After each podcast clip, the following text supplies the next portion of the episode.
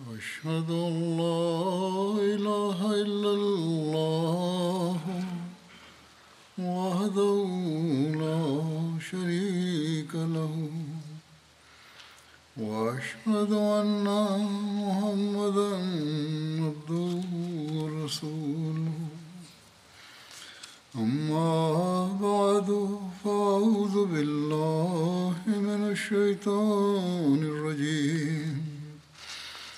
بسم الله الرحمن الرحيم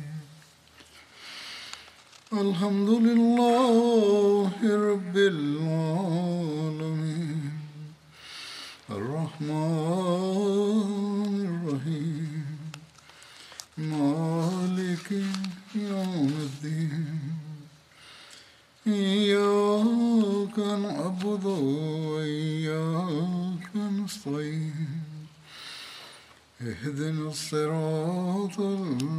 المستقيم صراط الذين أنعمت عليهم غير المغضوب عليهم ولا الضالين Simot alaihissalam telah menjelaskan di banyak tempat di dalam tulisan-tulisan dan sabda-sabda beliau alaihissalam mengenai tujuan kedatangan beliau alaihissalam dan perlunya kedatangan seorang pembaharu atau muslih di zaman ini. Beliau telah membuktikan bahwa pengutusan beliau oleh Allah Ta'ala merupakan kebutuhan di masa ini dan adalah sesuai dengan sunnatullah dan nubuatan-nubuatan yang disampaikan oleh yang mulia Rasulullah Shallallahu Alaihi Wasallam. Oleh karena itu beliau bersabda untuk penyempurnaan hujah atau dalil, aku ingin mengemukakan bahwa Allah Ta'ala telah mendapati zaman ini gelap dan dia melihat dunia tenggelam dalam kelalaian, kekafiran, dan kemusyrikan, serta menyaksikan keimanan, kejujuran, ketakwaan, dan kesalehan telah menghilang. Lalu dia mengutusku supaya dia menegakkan kembali kebenaran dari sisi keilmuan, amalan, akhlak, dan keimanan di dunia, supaya menyelamatkan dunia dari serangan orang-orang yang ingin merusak taman ilahi ini dengan memakai alasan filsafat, naturalis, pembaruan, syirik, dan ateisme. Oleh karena itu, wahai para pencari kebenaran, pikirkanlah dan lihatlah, bukankah ini adalah masa yang di dalamnya diperlukan pertolongan ilahi bagi Islam? Belumkah terbukti kepada kalian bahwa pada abad yang lalu, yaitu di abad ke-13, betapa banyak kedukaan-kedukaan yang telah menimpa Islam dan betapa banyak luka-luka yang tak tertahankan yang harus kita tanggung akibat menyebarluaskan kesesatan. Apakah kalian belum mengetahui bencana apa saja yang telah menimpa Islam? Apakah saat ini kalian tidak mendapatkan berita betapa banyak orang yang keluar dari Islam? Betapa banyak yang menjadi masuk Kristen? Betapa banyak yang menjadi ateis dan penganut naturalisme? Betapa banyak kemusyrikan dan bid'ah telah mengambil alih ketauhidan dan sunnah? Dan berapa banyak buku-buku telah ditulis untuk menolak Islam lalu disebarkan di dunia?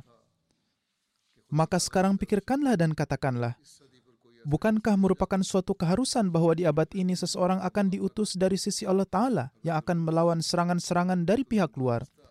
Jika ini adalah suatu keharusan, maka janganlah menolak nikmat ilahi dengan sengaja, dan janganlah berpaling dari sosok tersebut yang kedatangannya di abad ini diperlukan berdasarkan kondisi pada abad ini dan sejak sebelumnya telah dinubuatkan oleh Hazrat Rasulullah SAW. Kemudian seraya menyebutkan kriteria untuk menilai kebenaran pengutusan seseorang, beliau alaihissalatu wassalam bersabda, untuk mempercayai kebenaran seseorang bukanlah suatu keharusan, bahwa kabar kedatangannya disebutkan secara jelas dalam suatu kitab samawi. Jika syarat ini adalah penting, maka tidak ada kenabian seorang nabi pun yang akan terbukti. Hakikat yang sebenarnya ialah ketika seseorang mendakwakan kenabian, pertama-tama hendaknya dilihat kebutuhan zaman. Kemudian dilihat apakah ia datang pada waktu yang telah ditetapkan oleh para nabi ataukah tidak.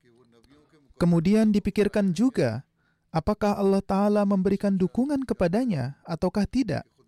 Kemudian harus dilihat, apakah keberatan yang diajukan musuh sudah diberikan jawabannya secara sempurna ataukah tidak. Ketika semua hal tersebut terpenuhi, maka akan diakui bahwa orang tersebut adalah benar. Jika tidak, maka sebaliknya. Sekarang jelaslah bahwa kondisi zaman sekarang ini sedang menuntut perlunya seorang pembaharu samawi untuk menghilangkan perpecahan dalam Islam, untuk menyelamatkan Islam dari serangan-serangan pihak luar, dan untuk menegakkan kembali kerohanian yang telah hilang di dunia. Jadi, seorang musli atau pembaharu yang akan menyirami akar-akar keimanan dengan menganugerahkan kembali keimanan, keyakinan, dan dengan itu ia membebaskan dari keburukan dan dosa, serta mengarahkan kembali pada kebaikan dan kesalehan. Jadi kedatanganku pada saat yang diperlukan adalah begitu jelas, sehingga aku tidak dapat membayangkan bahwa kecuali seorang yang sangat fanatik, ada orang yang bisa mengingkarinya. Syarat yang kedua adalah hendaknya melihat apakah ia itu datang tepat pada waktu yang telah ditetapkan oleh para nabi ataukah tidak.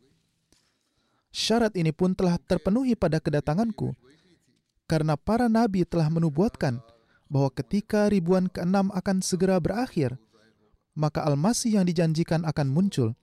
Oleh karena itu, menurut perhitungan bulan, ribuan keenam yang dihitung sejak kemunculan Hazrat Adam alaihissalam telah berakhir, dan ribuan keenam berdasarkan perhitungan matahari pun akan segera berakhir. Hal ini juga telah terjadi pada masa ini. Selain itu, Nabi kita Rasulullah SAW telah bersabda bahwa pada awal setiap abad akan datang seorang mujadid yang akan memperbaharui agama. Dan sekarang 21 tahun telah berlalu dari abad ke-14 ini. yakni ketika beliau wassalam menyampaikan ini dan tahun ke-22 akan segera berakhir. Sekarang, bukankah ini adalah pertanda bahwa mujadid itu telah datang? Terlepas dari orang lain menerima atau tidak, dan para penentang mengakui kebenaran Hazrat Masih Maud alaihissalatu wassalam ataukah tidak, namun mereka sendiri yang berteriak-teriak dan mengatakan di mana-mana bahwa Islam membutuhkan seorang Mahdi dan pembaharu yang akan memantapkan bahtera Islam. Tetapi mereka tidak siap untuk menerima seseorang yang telah datang sesuai dengan nubuatan-nubuatan tersebut dan telah datang sebagaimana keperluan zaman. Demikian juga, Hazrat Masih Maud alaihissalatu wassalam tidak hanya mendakwakan diri, bahkan beliau alaihissalatu wassalam juga telah memberikan begitu banyak tanda yang mendukung kebenaran beliau alaihissalatu wassalam. Tidaklah mungkin untuk menyebutkan semuanya di sini. Sebagaimana beliau alaihissalatu wassalam bersabda di suatu tempat, satu pertanda yang agung adalah bahwa 33 tahun yang lalu terdapat wahyu di dalam Barahin Ahmadiyah bahwa orang-orang akan berusaha menghapuskan jemaat ini dan mereka akan melancarkan segala macam rencana buruk. Namun aku akan membuat jemaat ini tumbuh dan menyempurnakannya. Dan ini akan menjadi sebuah pasukan besar. Mereka akan unggul hingga hari kiamat. Dan aku akan membuat nama engkau masyhur di seluruh penjuru dunia. Orang-orang akan datang berbondong-bondong dari kejauhan. Dan bantuan keuangan akan datang dari segala penjuru perluaslah tempat tinggalmu, karena persiapan ini sedang berlangsung di langit. Beliau alaihissalatu wassalam bersabda, Lihatlah, pada masa kapan nubuatan ini muncul, dan bagaimana hal tersebut saat ini telah tergenapi. Inilah tanda-tanda kekuasaan Tuhan yang dapat disaksikan oleh mereka yang memiliki mata. Namun bagi orang-orang yang buta, menurut mereka hingga sekarang belum ada tanda yang zahir. Bahkan saat ini, pertumbuhan jemaat Ahmadiyah dan meningkatnya jumlah orang yang bergabung ke dalam jemaat dalam jumlah ratusan ribu setiap tahunnya merupakan bukti kebenaran beliau alaihissalatu wassalam. Saat ini, tidak ada satupun negara di dunia yang mana pesan beliau alaihissalatu wassalam belum sampai ke sana atau ruh-ruh yang berfitrat suci belum tertarik pada Islam dan menerimanya. Bahkan ada banyak peristiwa di berbagai tempat di mana Allah Ta'ala sendiri memberikan petunjuk kepada orang-orang dan mereka bergabung ke dalam jemaat. Meskipun terdapat penentangan dari para penentang, Allah Ta'ala telah menguatkan keimanan para anggota jemaat dan dia terus menguatkan mereka. Oleh karena itu, dukungan Allah Ta'ala yang kita saksikan hingga saat ini merupakan sarana untuk menguatkan keimanan para Ahmadi. Sekarang, saya ingin menyajikan beberapa peristiwa semacam ini. Tuan Babayu Islam Beg adalah seorang berkebangsaan Rusia dari Kyrgyzstan. Beliau menuturkan, saya berasal dari Kashgar, Kishtak, Kyrgyzstan, dan alasan saya menulis surat ini adalah karena saya telah berbaiat kepada Hazrat Imam Mahdi alaihissalam dan bergabung dengan Islam yang hakiki, yaitu Jemaat Ahmadiyah. Alasan mengapa saya bergabung dengan Ahmadiyah adalah karena Hazrat Imam Mahdi alaihissalam telah memaparkan keutamaan Islam dengan cara yang sangat indah. Saya yakin bahwa hanya Imam Mahdi yang mampu menyajikan keindahan Islam dengan cara seperti ini. Beliau kemudian menulis, Doakanlah semoga Allah Ta'ala menjadikan saya seorang yang bertakwa dan memberikan taufik kepada saya untuk mengamalkan sepuluh syarat beat. Ini adalah ungkapan dari seorang yang tinggal di tempat yang jauh. Hal ini tidak hanya terjadi di suatu tempat, namun terjadi di setiap negara. Di provinsi Manima, Kongo, ada sebuah tempat bernama Rodika, seorang sahabat Kristen bernama Feroz Majik, menerima pamflet jemaat yang di dalamnya menjelaskan kedatangan Hazrat Masih Maud alaihissalam dan keberkatan Nizam Khilafat. Setelah membacanya, beliau mengalami perubahan total. Beliau berkata, inilah Islam yang saya cari. Lalu beliau bayat dan bergabung ke dalam Ahmadiyah. Demikian pula ada seorang teman lainnya bernama Tuan Hussein yang membaca pamflet jemaat dan bayat. Bahkan beliau terus bertablik dan hingga laporan diterima, sudah ada lima orang yang bergabung ke dalam Ahmadiyah melalui pertabligan beliau. Jadi, orang-orang tidak hanya bayat, bahkan mereka juga ikut bertablik. Hal ini juga menjadi bahan renungan bagi para Ahmadi lama bahwa mereka juga harus memberikan perhatian pada pertabligan. Kemudian di Tanzania, ada sebuah wilayah bernama Shinyanga. Di sana terdapat jemaat lokal namanya Muanga Langga. Pada awal berdirinya jemaat di sana, para Ahmadi biasa sholat di bawah naungan pepohonan. Pada masa itu, ada seseorang bernama Muhammad Funggunga mulai menentang keras jemaat. Dan bersama beberapa orang, ia mulai mengumumkan para Ahmadi ini bukanlah Muslim, dan kita umat Islam akan segera membangun masjid di daerah ini. Bahkan orang tersebut mendapat jaminan dari seorang wanita terkemuka bahwa dia akan menyediakan dana untuk masjid. Sementara itu, ada seorang Ahmadi yang mukhlis bernama Tuan Ramdan yang mewakafkan tanahnya untuk pembangunan masjid. Oleh karena itu, orang tersebut berusaha semaksimal mungkin agar sebidang tanah itu jatuh ke tangan orang-orang muslim non-Ahmadi, namun Ahmadi tersebut tetap teguh dari awal pembangunan masjid jemaat hingga selesai. Pada masa itu, tablik jemaat sampai ke rumah penentang tersebut.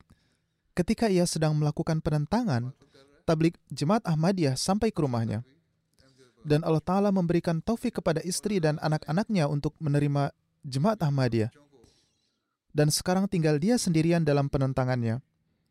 Seandainya orang ini dan masih banyak orang seperti dia memiliki akal dan pemahaman, maka dia akan melihat bahwa hal ini sudah cukup sebagai tanda bahwa meskipun dia menentang, Allah Ta'ala telah menumbuhkan gejolak semangat untuk Islam yang sejati di dalam hati istri dan anak-anaknya. dan tidak ada suatu pun upayanya yang berhasil. Tidak ada manusia yang bisa menciptakan keimanan dan perubahan semacam ini. Tidak akan pernah bisa. Hal ini hanya dapat terjadi berkat karunia yang khas dari Allah Ta'ala. Lalu ada lagi contoh penguatan keimanan dan dukungan dari Allah Ta'ala. Sekarang di belahan dunia yang uh, lain, yaitu di Argentina, yang berada di Amerika Selatan, jadi terkadang ada yang berasal dari Afrika, terkadang di negara bekas Soviet dan sekarang di Amerika. Jadi seorang wanita di sana bernama Nyonya Marila masuk Islam, namun beliau menjauh dari Islam karena perilaku umat Islam. Ketika itu beliau bukan seorang Ahmadi, tapi telah menerima Islam. Ketika beliau diperkenalkan dengan jemaat Ahmadiyah, beliau datang ke rumah misi dan mengikuti kelas bahasa Arab dan Islam. Setelah beberapa bulan, beliau menyatakan bayat dan bergabung dengan jemaat. Beliau menyatakan, saya merasa tentram setelah bayat karena saya melihat kesesuaian antara ajaran jemaat dan amalan mereka, dan saya merasakan suasana persaudaraan yang sesungguhnya. Setiap orang diberi kesempatan untuk berkhidmat, meskipun mereka baru dan tidak ada diskriminasi atau perpecahan. Putri beliau yang non-Muslim belajar di sebuah pusat Islam Sunni yang berfungsi sebagai sekolah menengah atas. Orang-orang Arab mengeluarkan dana untuk ini. Putri beliau belajar di sana. Ketika pihak administrasi sekolah mengetahui bahwa ibunya telah bergabung dengan jemaat, mereka mulai menekannya dan menyebarkan propaganda melawan jemaat. Ketika sekolah mengetahui bahwa putri beliau sebagai bagian dari proyek sekolah menyiapkan hiasan khusus untuk rumah misi atas kemauannya sendiri, maka administrasi sekolah sangat marah dan mengatakan kepada anak perempuan tersebut, "Jika kamu ikut jemaat, maka kamu akan menghadapi kesulitan di sekolah. Kamu dan ibumu harus memisahkan diri dari jemaat." Ketika ibunya mengetahui hal ini, beliau dengan segera dan tanpa ragu-ragu memindahkan putrinya dari sekolah Islam tersebut dan berkata, "Sekarang saya dan putri saya merasa tenang karena tidak ada yang akan mengganggu kami atas dasar agama kami. Saya menerima jemaat ini karena saya menganggapnya sebagai kebenaran." Jadi saya akan dengan senang hati dan bangga menyatakan hal ini di depan orang lain, meskipun mereka tidak menyukainya. Jadi inilah tingkat keimanan yang ada dalam diri para Ahmadi. Di Bukhara, yaitu daerah yang dulunya merupakan bagian dari Rusia, ada seorang Ahmadi yang mukhlis bernama Tuan Sunat Sultanov. Beliau berasal dari wilayah Bukhara di Uzbekistan dan beliau bekerja di Rusia. Beliau berkata, saya adalah satu-satunya Ahmadi di keluarga saya. Dan saya secara konsisten memperkenalkan ajaran Islam Ahmadiyah kepada istri dan anak-anak saya saya ingin agar istri dan anak-anak saya menjadi Ahmadi. Saya banyak berdoa supaya Allah Ta'ala juga menerangi mereka dengan cahaya Islam Ahmadiyah.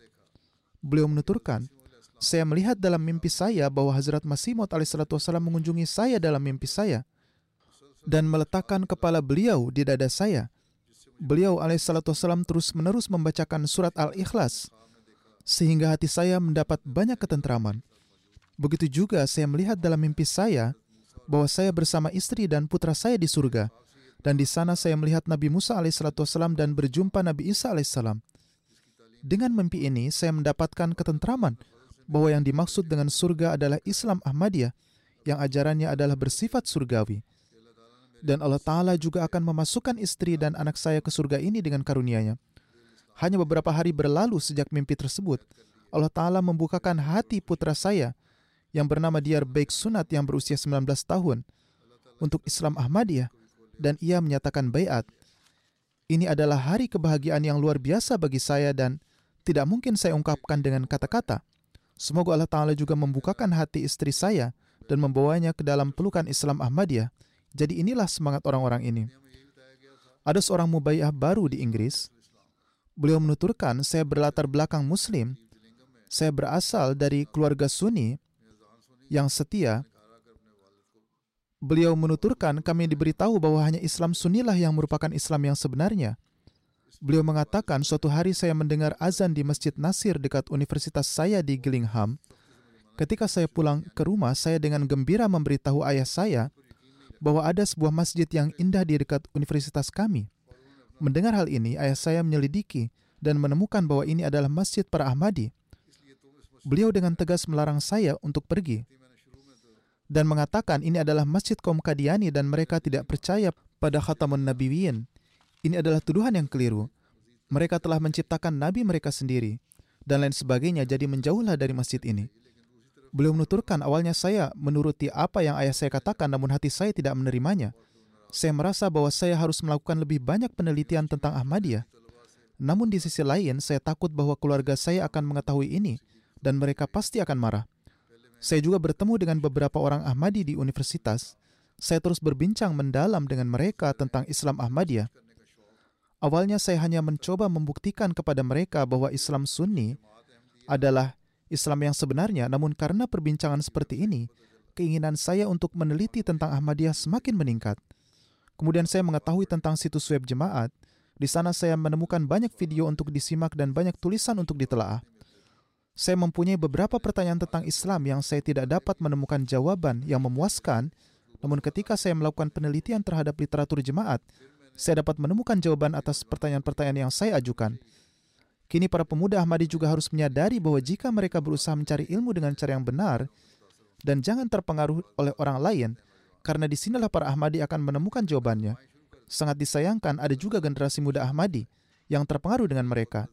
Dia berkata, lalu saya mulai berdoa agar Allah Ta'ala menunjukkan kepada saya sebuah tanda. Jadi ini adalah cara yang sangat baik untuk menerima petunjuk dan menemukan jalan yang benar.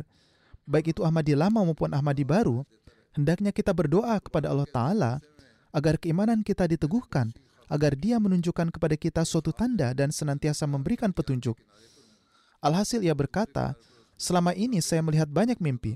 Dalam satu mimpi saya melihat bahwa saya berada di tepi sungai dan di tepi lainnya Hazrat Khalifatul Masih Rabi sedang memasuki sebuah aula. Saya ingin menyeberangi sungai dan sampai ke tepian seberang, tetapi arus sangat deras. Atas hal ini Hazrat Khalifatul Masih Rabi bersabda, Allah tidak akan meninggalkan hambanya sendirian. Tepat ketika beliau mengatakan ini, sungai ini menghilang. Dan aku sampai di seberang. Dengan cara yang sama, dia juga melihat saya dalam mimpi dan melihat saya dalam keadaan sedemikian rupa sehingga dia menjadi sangat terpengaruh. Ia lalu berkata, saya juga bermimpi berjumpa nenek saya dari pihak ayah yang berkata, ketika kamu pergi ke Islamabad, ingatlah saya juga. Ia berkata, semua mimpi ini adalah tanda yang jelas bagi saya, maka saya pun bayat. Jadi mimpi ini bahwa tangannya dibimbing menuju Ahmadiyah dan lahirnya keteguhan iman di dalam hatinya, kalau bukan merupakan tanda dukungan dari Allah Ta'ala, lalu apa lagi? Sekarang lihat kembali sebuah desa di sebuah negara di Afrika. Bagaimana Allah Ta'ala menganugerahi seseorang keyakinan dalam keimanannya setelah menjadikannya menerima Ahmadiyah. Di wilayah Dori di Burkina Faso, ada seorang pemuda Ahmadi bernama Jabir Sahib dari Jemaat Tokal Taka yang sedang bekerja di ladangnya. Beberapa teroris menangkapnya dan berkata, sama seperti kami membunuh para Ahmadi di Mahdi Abad kemarin, kami juga akan membunuhmu. Kemudian mereka mengambil ponselnya, memeriksanya dan menemukan pidato para mubalik jemaat. Setelah mendengarkan pidato tersebut, mereka berkata kami akan mencari semua orang ini karena mereka telah menyebarkan Ahmadiyah di radio. Selanjutnya mereka bertanya kepada pemuda Ahmadi itu tentang ayahnya dan berkata, besok kami akan datang ke desamu.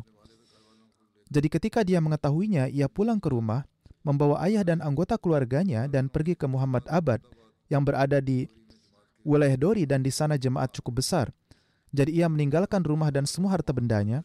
Keesokan harinya para teroris itu tiba di desa tersebut dan setelah memaksa seorang penduduk desa untuk memberitahukan rumahnya, mereka pergi ke sana mereka menggeledah seluruh rumah dan melemparkan semua barang-barang mereka keluar rumah dan terus berkata, siapa pun Ahmadi di sini kami akan membunuh mereka.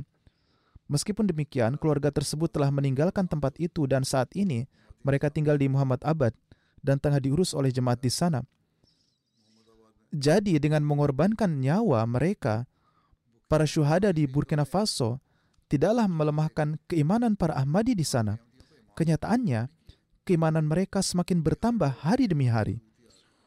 Orang-orang miskin itu telah meninggalkan sedikit harta dan perbekalan yang mereka miliki. Mereka telah melepaskan rumah, bahkan mata pencaharian mereka yang mereka andalkan. Namun, mereka tidak melepaskan keimanan mereka.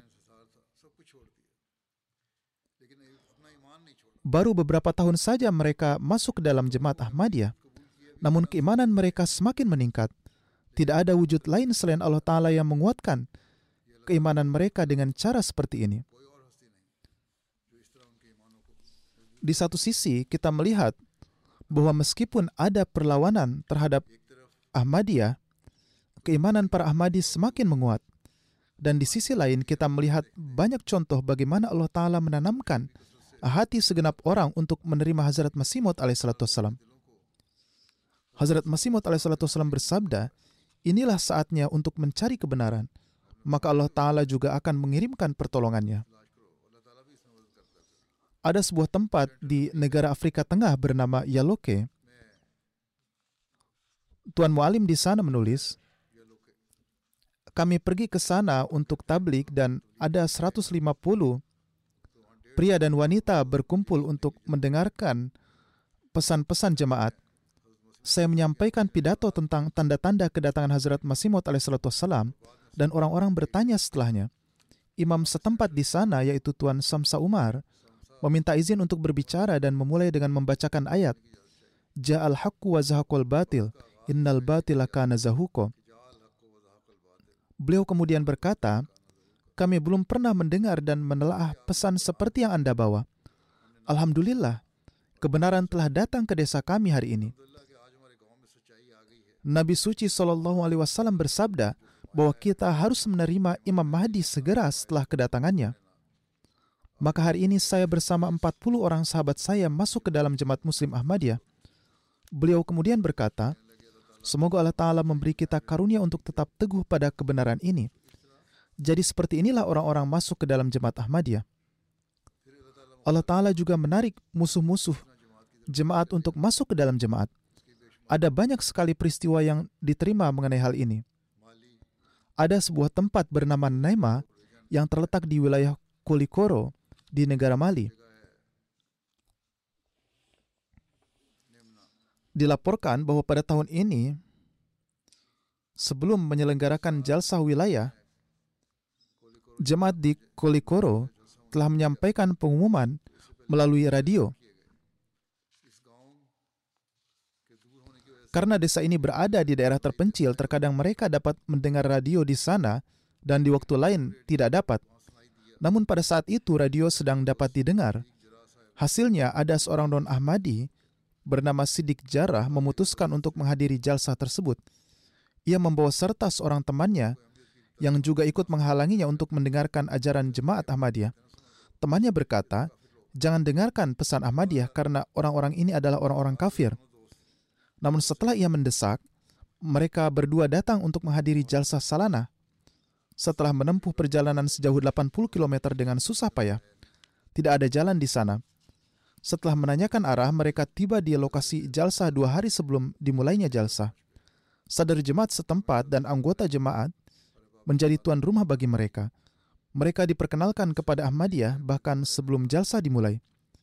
Selama hari-hari jalsa, mereka mendengarkan ceramah, melaksanakan tahajud secara berjamaah dan menyaksikan rasa saling mencintai dan ketulusan dari para anggota jemaat. Mereka sangat terkesan olehnya.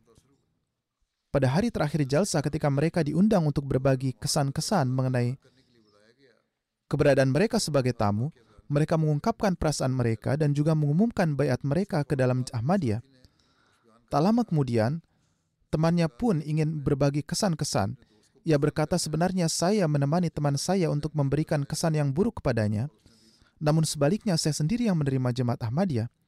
Jadi dengan demikian ia pun masuk ke dalam jemaat Ahmadiyah. Di Kongo Brazzaville yang juga merupakan satu negara di Afrika, ada seorang pemuda bernama Cyril yang menyelesaikan FA-nya di sekolah menengah atas. Ia mulai belajar tentang ajaran agama Kristen di bawah bimbingan seorang pendeta Katolik di desa tersebut. Setelah memperoleh pelatihan dari pendeta, ia melanjutkan ke universitas melalui bantuan gereja. Selama Masa ini ia menghubungi mubalik lokal kita di sana yang berkata, kami mulai bertablik kepadanya. Ia menyadari bahwa baik dirinya maupun pendetanya tidaklah dapat membantah dalil-dalil jemaat Ahmadiyah. Akibatnya, alih-alih menjadi pendeta Kristen, ia malah bayat bergabung ke dalam jemaat Ahmadiyah. Sekarang ia pun bertablik, menyebarkan Islam Ahmadiyah sebagai seorang dai. Seorang mubalik membuat rencana untuk bertablik di wilayah Tambaconda di negara Senegal. Ia berkata, beberapa tahun yang lalu seorang laki-laki bersama istri dan anak-anaknya menerima Ahmadiyah. Namun masyarakat di desanya menentang mereka. Tahun ini, setelah berulang kali bertemu dengan kepala desa dan imam di sana, sebuah program untuk tablik jemaat Ahmadiyah telah direncanakan. Para kepala suku, imam, dan masyarakat desa sekitar juga diundang. Tuan Mu'alim menyampaikan pidato tentang keadaan dunia saat ini,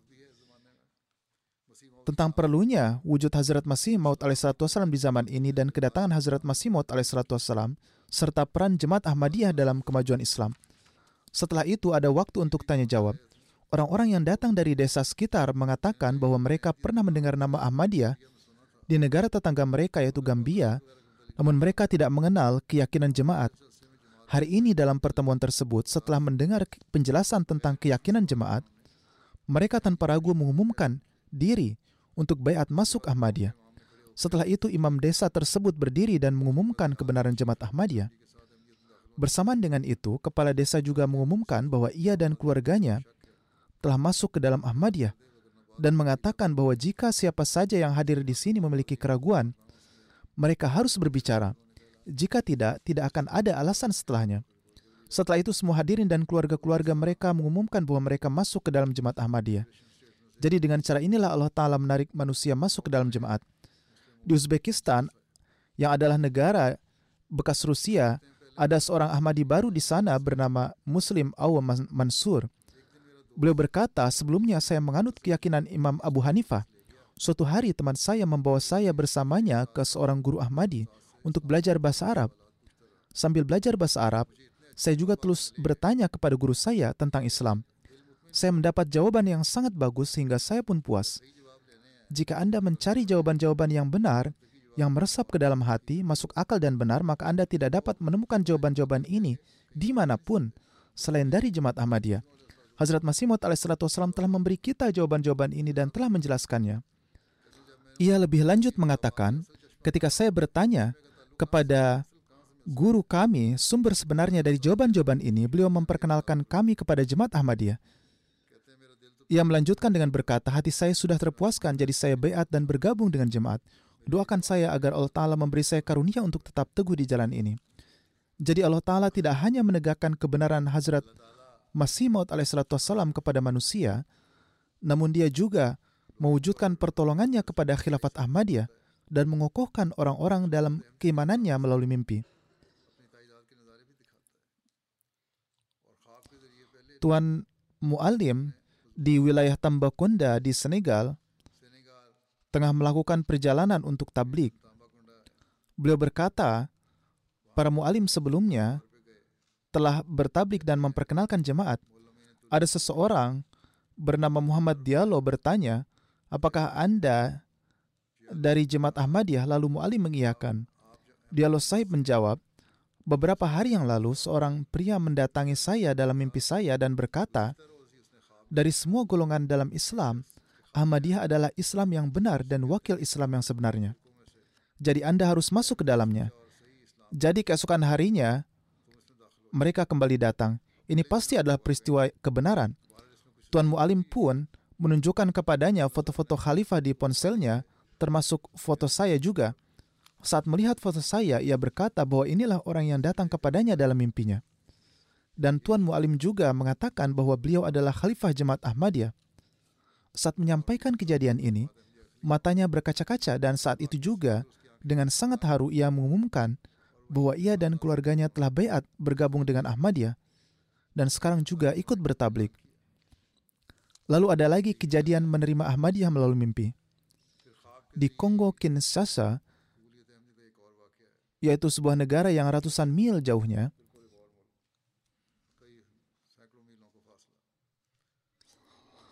seorang ketua jemaat di sana yaitu Tuan Basam Munir yang dulu adalah masuk ke dalam Islam Ahmadiyah dari agama Kristen mengatakan ketika para mubalik jemaat datang ke sini untuk menyebarkan pesan jemaat, saya saat itu menganggap Islam sebagai agama teroris.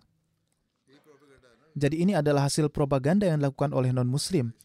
Namun Islam yang disampaikan oleh para mubalik Ahmadiyah adalah sangat mengejutkan saya.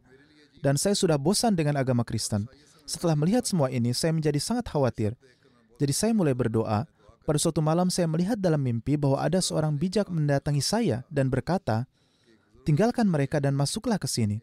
Penjelasan yang saya pahami dari Allah Ta'ala ini adalah saya harus meninggalkan agama Kristen dan masuk Ahmadiyah. Oleh karena itu saya beat dan bergabung dengan Ahmadiyah.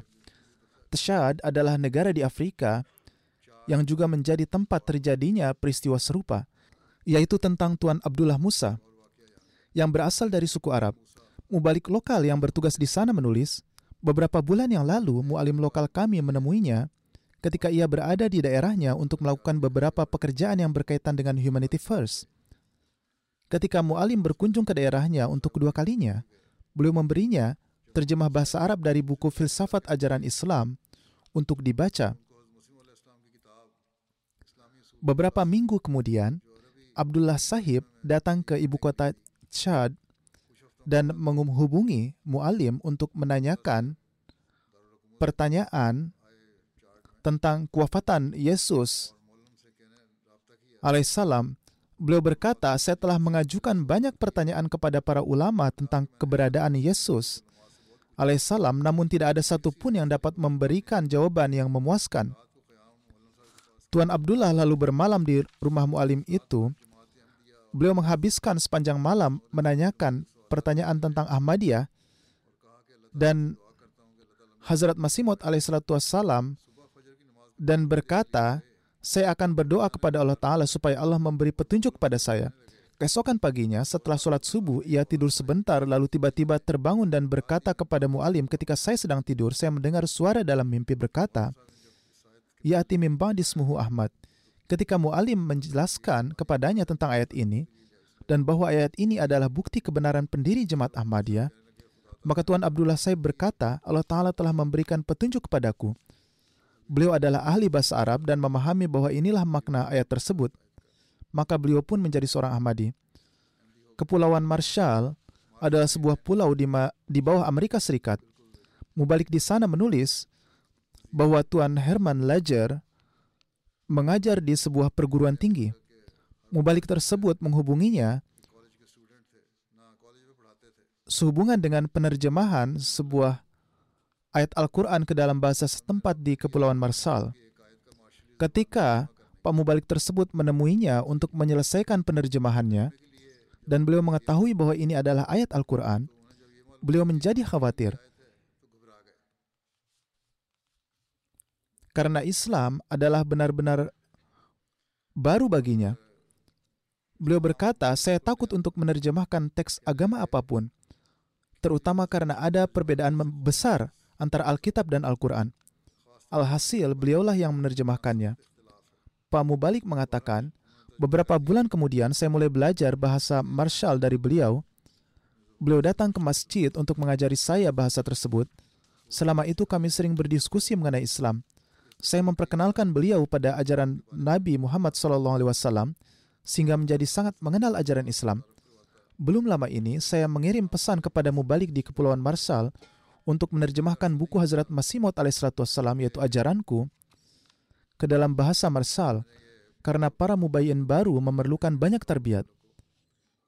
Pak Mubalik berkata, saya bicara dengan Tuan Lajer tentang hal ini dan beliau menyatakan kesediaannya untuk membantu.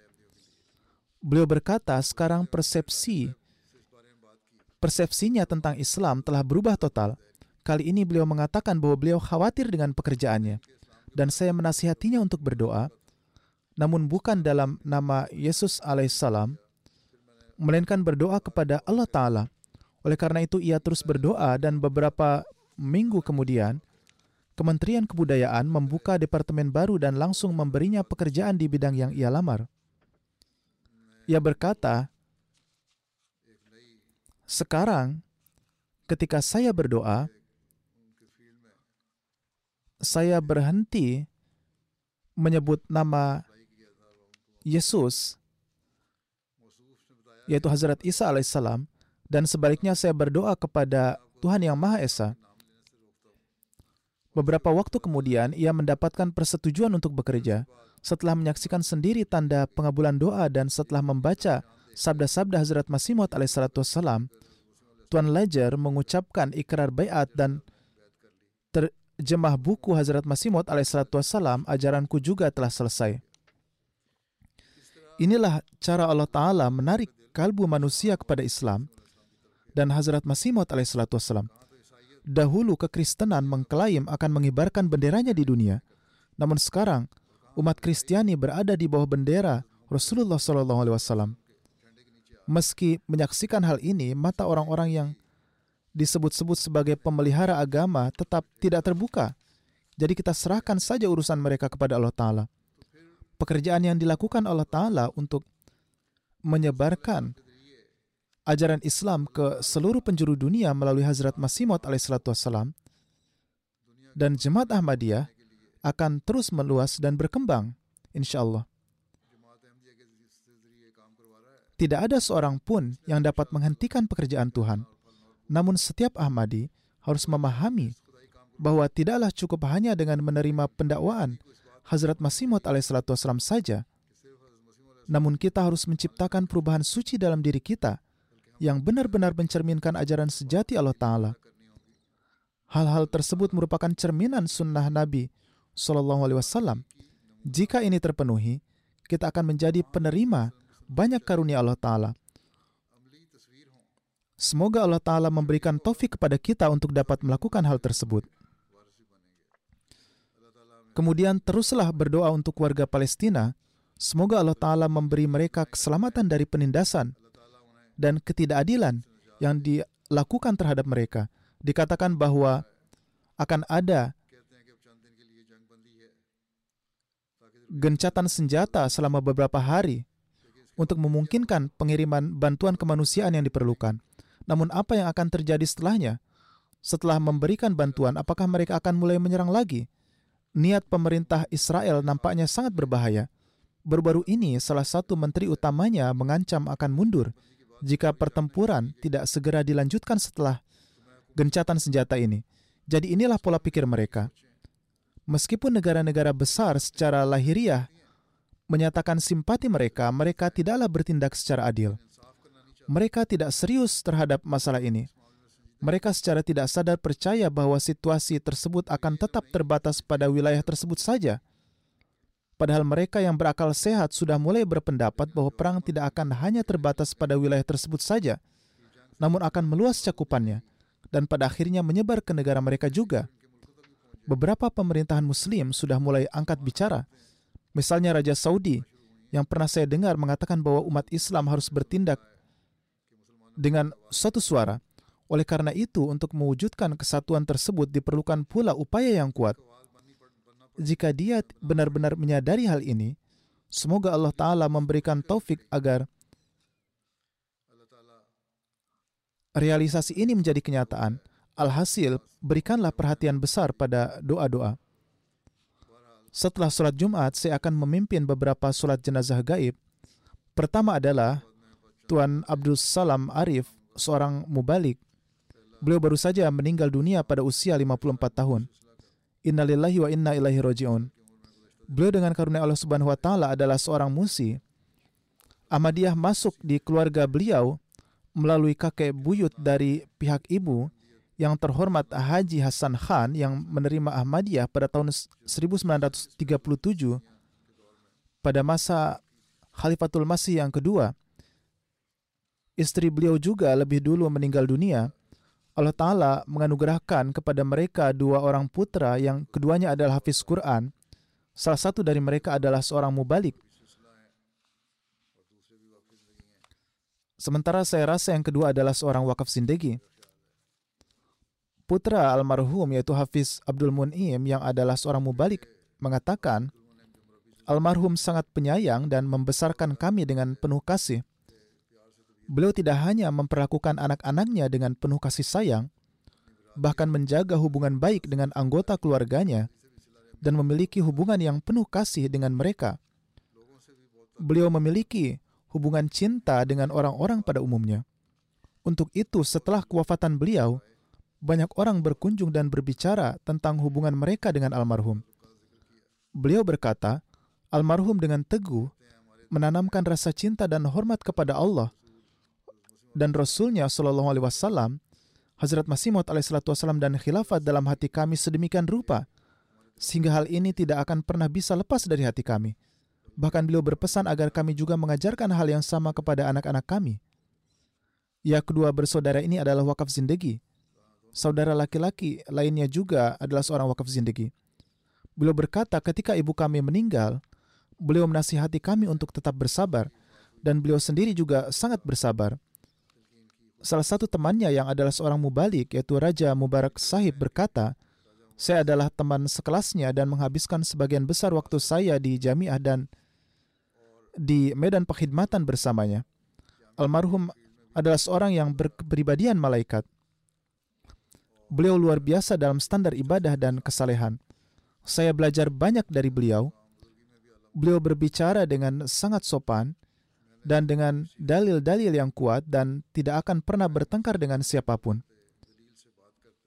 Ketika orang lain bersikap kasar kepada beliau atau memperlakukan tidak adil, beliau akan selalu menyambut mereka dengan hangat dan tidak pernah berusaha mempermalukan mereka. Beliau sangat perhatian kepada orang lain. Inilah sifat-sifat yang harus dimiliki oleh seorang mubalik sejati. Beliau lebih lanjut mengatakan, ke mana pun beliau pergi, beliau selalu menanamkan rasa cinta kepada khilafat di hati ratusan orang.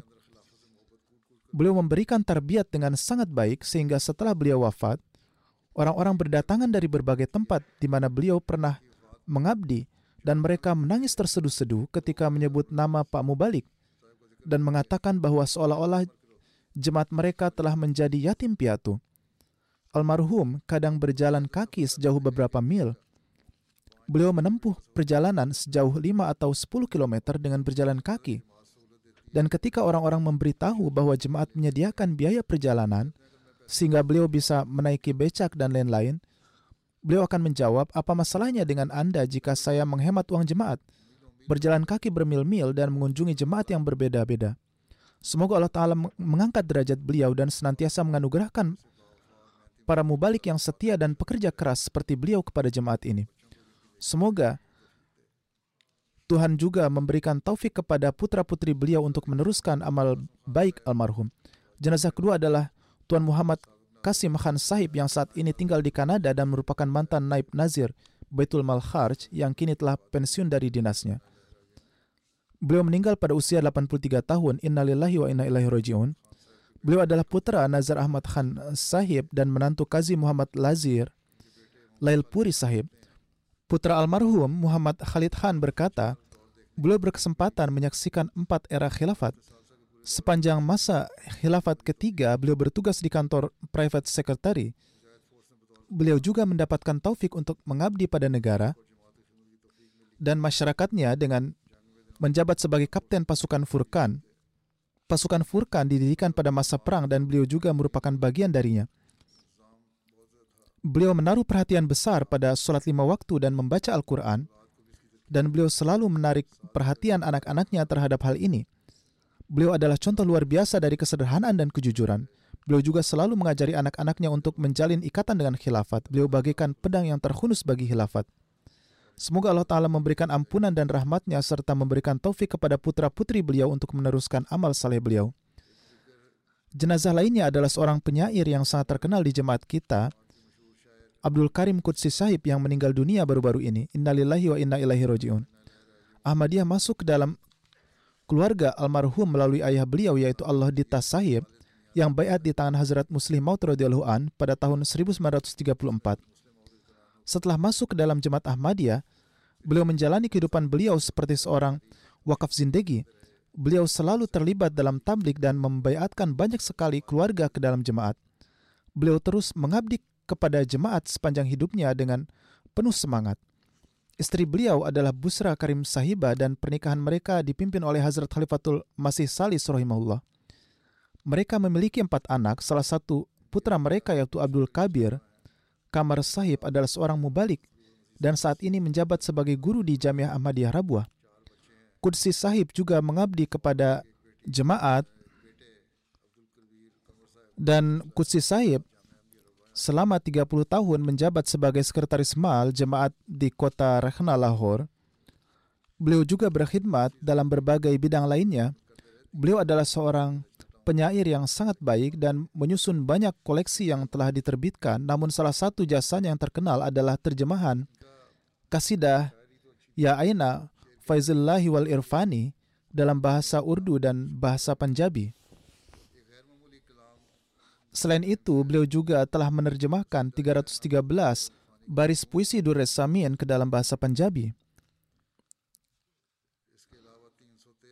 Dikatakan juga bahwa ada satu peristiwa tertentu dalam hidupnya, suatu masa tertentu dalam hidupnya ketika beliau menjadi lemah dalam ikatannya dengan jemaat, beliau sendiri pernah menulis bahwa pada tahun 1968 beliau meninggalkan desanya yaitu Kurto Panduri dan pergi ke Lahore untuk mencari pekerjaan. Ketika datang ke sana, beliau mulai menjadi lebih sekuler dalam pemikiran dan gagasannya. Akibatnya terkadang pergi ke masjid untuk sholat dan terkadang tidak karena jarak masjid yang jauh. Demikian pula, beliau kadang-kadang melaksanakan sholat Jumat dan kadang-kadang melewatkannya. Beliau mengatakan bahwa suatu kali saya diundang makan di rumah teman pada hari Jumat dan di dekatnya terdapat masjid non-Ahmadi. Sehingga mereka pergi untuk melaksanakan sholat Jumat di sana. Kondisi Pak Maulwi yaitu Ustadz yang digambarkannya masih sama dengan Maulwi yang ada pada saat ini. Pak Maulwi menghabiskan separuh khutbahnya berbicara menentang Sezan. Sezan adalah merek minuman jus yang pabriknya dimiliki oleh seorang Ahmadi Beliau menuturkan dalam khutbahnya, Pak Molwi mengatakan bahwa para Ahmadi biasa mencampurkan pasir dari rabuah ke dalam minuman jus eh, sezan. Oleh karena itu jangan meminumnya. Beliau mengatakan saya telah mendengarkan khutbahnya namun kemudian saya pergi dari sana tanpa sholat di belakangnya. Temannya bertanya, ada apa? Beliau bertanya balik kepada temannya, apakah kamu tidak mendengar omong kosong yang diucapkan oleh Pak Molwi dalam khutbahnya? Temannya berkata, lupakan itu. Mereka biasa mengatakan hal-hal seperti itu. Setelah itu saya makan dan setelah makan lalu keluar. Di luar saya melihat Pak Maulwi tadi tengah berdiri di luar toko sambil minum jus merek Sezan. Saya tidak bisa tinggal diam lalu pergi menghampiri Pak Maulwi dan bertanya kepadanya, Pak Maulwi, dalam khutbah tadi Anda berbicara banyak menentang jus Sezan, namun sekarang Anda sendiri malah meminumnya. Pak Maulwi menjawab, dokter telah menyarankan saya untuk tidak meminum apa pun yang mengandung sakarin atau pemanis buatan melainkan meminum jus sezan karena jus sezan adalah minuman jus murni. Untuk itu saya meminumnya sebagai obat. Saya kemudian bertanya kepada Pak Maulwi, lantas bagaimana tentang pasir rabuah yang dicampur ke dalam minuman jus sezan ini? Mendengar ini, Maulwi itu mulai tertawa dan berkata, jika kami tidak mengatakan hal-hal seperti itu, lalu bagaimana kami akan bisa bertahan hidup? Huzur bersabda, mereka melontarkan tuduhan terhadap kita, padahal merekalah yang sebenarnya bersalah dalam hal ini. Alhasil beliau memiliki banyak kisah peristiwa seperti ini. Beliau mempunyai ikatan yang kuat dengan khilafat. Beliau pun berupaya menanamkan hal ini pada anak-anak dan keturunannya. Seperti yang saya sebutkan, beliau adalah seorang penyair yang sangat terkenal di jemaat dan menganggap ini sebagai suatu kehormatan besar. Dan beliau sering membacakan puisinya di pertemuan syair, menyair dalam jemaat. Beliau mendapatkan kesempatan menulis banyak puisi tentang jemaat. Semoga Allah Ta'ala memberikan ampunan dan rahmatnya kepada beliau. Jenazah selanjutnya adalah Mia Rafiq Ahmad Gondal Sahib. Beliau meninggal baru-baru ini pada usia 81 tahun. Innalillahi wa inna ilaihi raji'un. Dengan karunia Allah Ta'ala, beliau adalah seorang musi. Ahmadiyah masuk ke dalam keluarga beliau melalui kakeknya, yaitu Hazrat Mia Huda Bakhsh Gondal Sahib dari Kotoman. Beliau adalah satu-satunya Ahmadi di keluarganya saat itu. Pada masa Hazrat Masih Maud alaihissalam ketika wabah penyakit tahun merajalela, beliau juga menderita penyakit itu yang disebabkan oleh wabah tersebut. Berbagai tanda telah disebutkan sebelumnya dan kejadian khusus ini juga merupakan tanda lainnya. Beliau pergi ke Bera untuk mendapatkan pengobatan di sana. Dan di sanalah beliau membaca kutipan Hazrat Masih Maud alaihissalatu yang menyebutkan bahwa siapa pun yang masuk ke dalam area keempat dinding rumahku, maka ia akan selamat dari hal ini. Kemudian beliau kembali ke rumah dan memberitahu semua orang bahwa beliau akan berangkat ke Kadian. Ketika tiba di Kadian, Hazrat Masih Maud alaihissalam sedang duduk di Masjid Mubarak dan sedang menulis sesuatu pada saat itu. Beliau ingin mengatakan sesuatu, namun karena Hazrat Masih Maud alaihissalam sedang sibuk melakukan sesuatu, beliau tidak mengatakan apa pun. Ketika Hazrat Masih Maud alaihissalam menyelesaikan pekerjaannya, beliau memperkenalkan diri kepada Hazrat Masih dan memberitahukan bahwa beliau datang menemui beliau setelah membaca tulisan beliau yang menyatakan bahwa siapa pun yang memasuki rumah beliau akan terlindung dari wabah ini. Di sanalah setelah berdiskusi beberapa kali, beliau bayat dan setelah itu, bisul-bisul yang disebabkan oleh wabah juga sembuh. Beliau menganggap hal ini sebagai tanda kebenaran Hazrat Masih Maud alaihissalam dan beliau selalu menyebutkan hal ini. Mia Rafiq Gondal Saib dan putranya pernah ditahan oleh beberapa pelajar di Lahore yang kemudian memukuli mereka. Ketika para siswa memukuli putranya, beliau keluar dari rumahnya untuk melindunginya dan beliau juga terluka dan lengan beliau patah. Oleh karena itu, mereka juga menanggung derita penganiayaan fisik demi jemaat. Beliau adalah menantu Malik Umar, Malik Fokar Sahib. Istri pertama Malik Umar Sahib adalah putri Hazrat Mir Ishak Sahib. Beliau memiliki satu putra dan dua putri. Putra dan putrinya tinggal di Amerika Serikat dan putri lainnya, Rifat Sultana menikah dengan Dr. Masud Ahmad yang bertugas di Rabuah di rumah sakit Fazli Umar. Istri beliau menulis, beliau rutin melaksanakan sholat dan melakukan tahajud. Beliau selalu peduli dengan orang miskin. Semoga Allah Ta'ala melimpahkan ampunan dan rahmatnya kepada beliau dan semoga Allah Ta'ala memberikan taufik kepada anak cucu beliau untuk meneruskan amal saleh beliau. Yang terakhir adalah Nyonya Nasima Alex Saiba dari Amerika. Beliau adalah istri dari Tuan Said Laik Ahmad Sahib yang syahid di Model Town Lahore. Beliau juga meninggal baru-baru ini. Innalillahi wa inna ilaihi raji'un.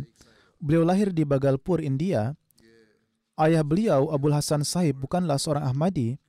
Ibu beliau, Amatul Bara Sahibah, adalah bayat masuk ke dalam jemaat jadi paling tidak pada masa itu ada beberapa orang yang baik yang tidak menekan istri mereka karena mereka masuk ke dalam jemaat.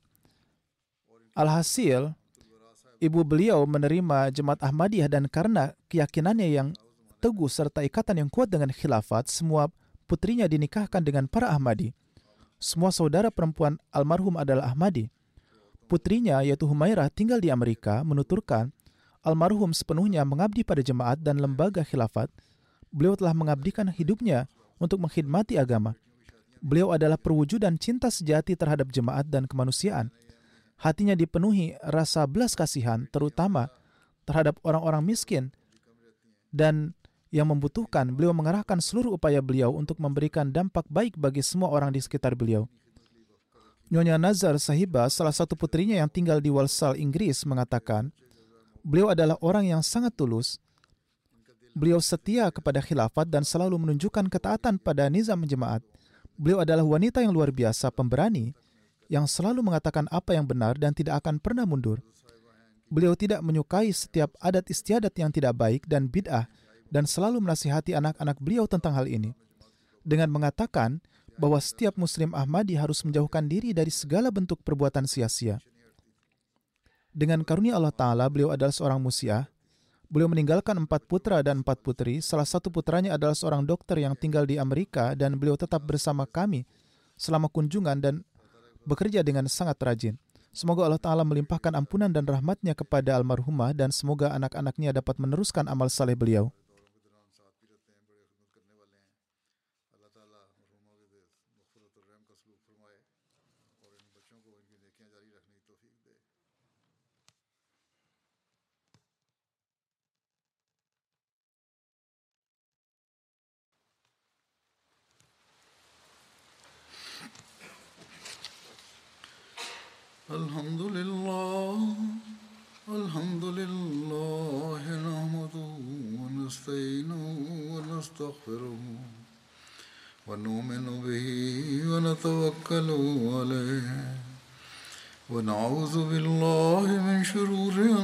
أنفسنا ومن سيئات أعمالنا.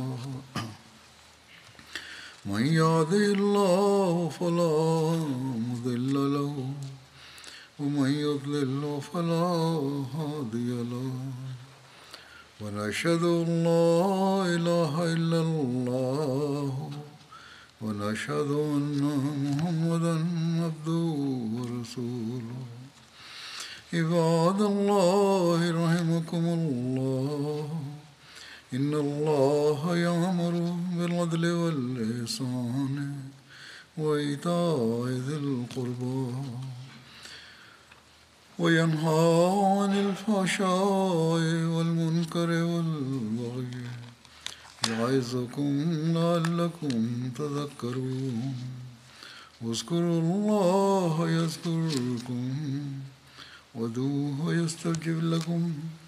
وادعوه يستجب لكم ولذكر الله أكبر.